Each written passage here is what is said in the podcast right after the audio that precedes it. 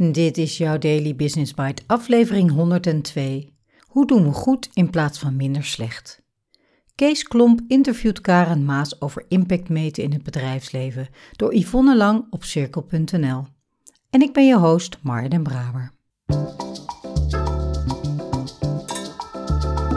Je luistert naar Daily Business Bites met Marja den Braber waarin ze voor jou de beste artikelen over persoonlijke ontwikkeling en ondernemen selecteert en voorleest.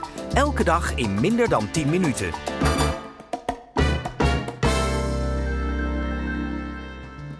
Dit is de podcast waar je kunt luisteren naar artikelen van experts op het gebied van ondernemen en persoonlijke ontwikkeling. Elke dag van het jaar in 10 minuten of minder. Uit de bijna oneindige stroom blogs en artikelen die geschreven worden, pik ik de meest interessante er voor jou uit. Let's start. In de transitie naar een duurzamere economie willen steeds meer bedrijven impact maken. Karen Maas, bijzonder hoogleraar accounting en duurzaamheid aan de Erasmus Universiteit, ziet in haar dagelijkse praktijk dan ook steeds vaker bedrijven met missiestatements, purpose-definities en grote maatschappelijke ambities. Maar wat betekent dat in de praktijk? Minder milieuvervuiling en geen bijdrage aan kinderarbeid, of dat je bedrijf positieve waarde toevoegt aan de maatschappij. In deze aflevering kom je alles te weten over impactdenken in businessmodellen en het in de praktijk brengen van impact. Wat is impact? Volgens de definitie van Karen en haar team is impact het effect van een organisatie op de maatschappij.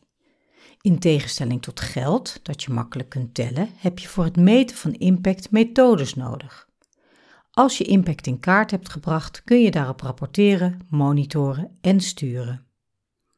Wat het meten, beoordelen en sturen op impact ingewikkeld kan maken, is dat deze maatschappelijke effecten zowel positief en negatief, bedoeld en onbedoeld, en direct en indirect kunnen zijn. Karen ziet dan ook vaak dat bedrijven die willen verduurzamen in de praktijk niet veel verder komen dan mooie ambities. Volgens haar ligt dat aan de manier waarop impactdenken in het businessmodel van de organisatie verankerd is. Karen en haar team hebben uitgebreid onderzoek gedaan. Karen en haar team hebben uitgebreid onderzoek gedaan over de verhouding tussen geld en impact in bedrijven en vonden dat je businessmodellen kunt onderscheiden in vijf types. 1. Geld. Financieel gedreven businessmodel. 2. Geld plus ESG is een financieel gedreven businessmodel met ESG, Environmental Social Governance beleid. 3. Geld plus impact, financieel en maatschappelijk gedreven businessmodel. 4. Impact plus geld, maatschappelijk gedreven businessmodel met geld als middel. 5.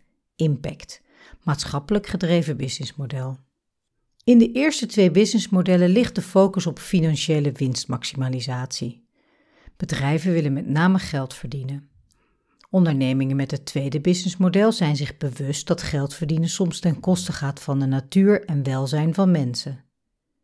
Bedrijven die het tweede businessmodel toepassen, hebben daarom een ESG-beleid dat grenzen vastlegt waar economische activiteiten negatieve effecten kunnen hebben op de maatschappij.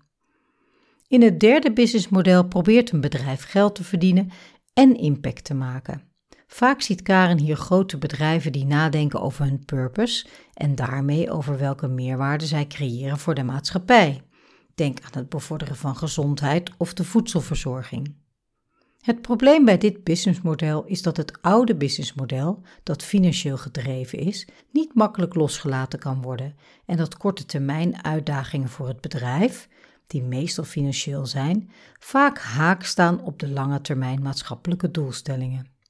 Bedrijven uit de vierde en vijfde categorie stellen maatschappelijke impact centraal en zien geld als middel om een positieve bijdrage te leveren aan de maatschappij.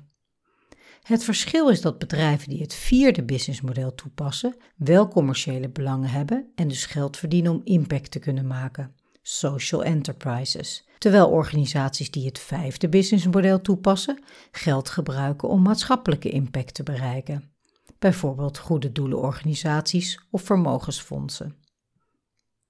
Van ambitie naar impact, het belang van impact denken. Door deze categorisering wordt in één oogopslag duidelijk waarom in de eerste plaats niet impact meten, maar impact denken essentieel is om de economie te verduurzamen. Bedrijven die businessmodellen 1 en 2 toepassen zullen, door de focus op geld, ook blijven sturen op commercieel belang, terwijl impact het uitgangspunt is om zaken te doen voor bedrijven die businessmodel 4 en 5 toepassen, waardoor zij ook automatisch zullen sturen op impact. Als bedrijven de stap willen maken van ambitie naar impact, is het dan ook belangrijk om kritisch te reflecteren op economische activiteiten en het effect van deze activiteiten op de maatschappij. Volgens Karen kunnen bedrijven in dat proces twee toetsvragen stellen. Waar zijn we mee gestopt door onze nieuwe ambitie? En wat zijn we meer gaan doen door onze nieuwe ambitie? Bedrijven die deze vragen zelf kritisch kunnen beantwoorden, meten volgens Karen vaak ook de juiste dingen en kunnen daarop acteren en sturen. Kansen voor social enterprises, impact first ondernemingen en familiebedrijven. Bedrijven met de grootste slagkracht in een transitie naar een duurzamere economie zijn volgens Karen dan ook ondernemingen die commercie en een maatschappelijke focus met elkaar kunnen verbinden, zoals sociale ondernemingen en bedrijven die erin slagen om businessmodel 3 toe te passen, door impact en lange termijn denken vast te verankeren. Om de transitie te versnellen, moeten social enterprises groeien en impact first bedrijven alle stappen identificeren om op lange termijn te kantelen van een financieel naar een impactgedreven organisatie. Daarnaast kunnen ook familiebedrijven een rol spelen in de verduurzaming van de economie, omdat zij meestal lange termijn georiënteerd werken en veel ervaring hebben met de context waarin het bedrijf opereert. Denk aan locatie en de persoonlijke relatie met medewerkers en leveranciers. Hun ondernemingscultuur kan andere bedrijven inspireren en helpen de transitie naar een duurzame economie te versnellen. De financiële sector speelt daarbij een belangrijke rol als enabler van impactgedreven organisaties, omdat geld een sturende functie heeft. Waar in impact geïnvesteerd wordt, kan maatschappelijke waarde ontstaan, aldus Karen. Daarnaast hebben financiële instellingen zelf ook een weg te gaan in de transitie naar een duurzame economie, vindt zij. Veel banken hebben bijvoorbeeld al nagedacht over hun purpose en rol in de maatschappij, maar zouden die rol nog beter kunnen pakken. In haar dagelijkse praktijk ziet Karen dat veel financiële instellingen complexiteit ondervinden als ze willen sturen op impact. Hoe meer ze weten, hoe meer vragen er ontstaan. Volgens Karen is dat ook een goed teken omdat het laat zien dat er kritisch gekeken wordt naar verduurzamingsplannen die daadwerkelijk verandering brengen en impactdenken een weg begint te vinden naar de financiële wereld. Daily Business Bites met Marja Den Braber. Je luisterde naar Hoe doen we het goed in plaats van minder slecht door Yvonne Lang. Dit is een interview van Kees Klomp, bekend van de betekeniseconomie, met Karen Maas. Het is het derde interview van On Purpose en dat is een serie van interviewportretten van vooraanstaande duurzame denkers, die niet alleen weten wat er mis is met het huidige economische systeem, maar ook oplossingen kunnen aandragen voor een nieuwe duurzame economie en zich daar persoonlijk voor inzetten.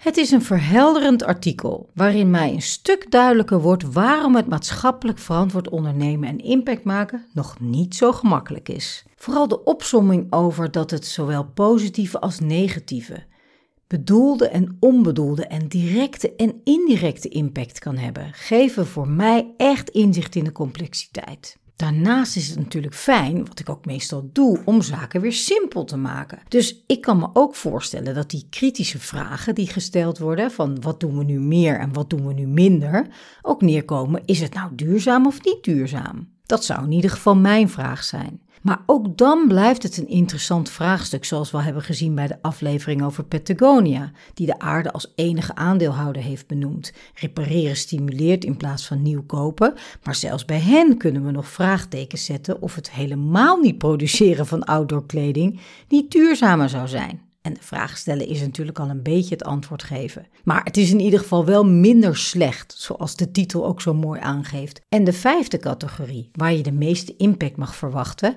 waarin de goede doelenorganisaties worden genoemd en vermogensfondsen. Hmm, ja, ook daar kennen we vast allemaal wel verhalen van de soms wel zeer hoge salarissen van directeuren van goede doelenorganisaties. Dus ik begrijp wel dat de meeste bedrijven ambities hebben, maar dat het daarbij blijft. Hopelijk kunnen de familiebedrijven en de financiële sector meehelpen met deze transitie, want nodig zal het zijn. Ik spreek je graag morgen weer.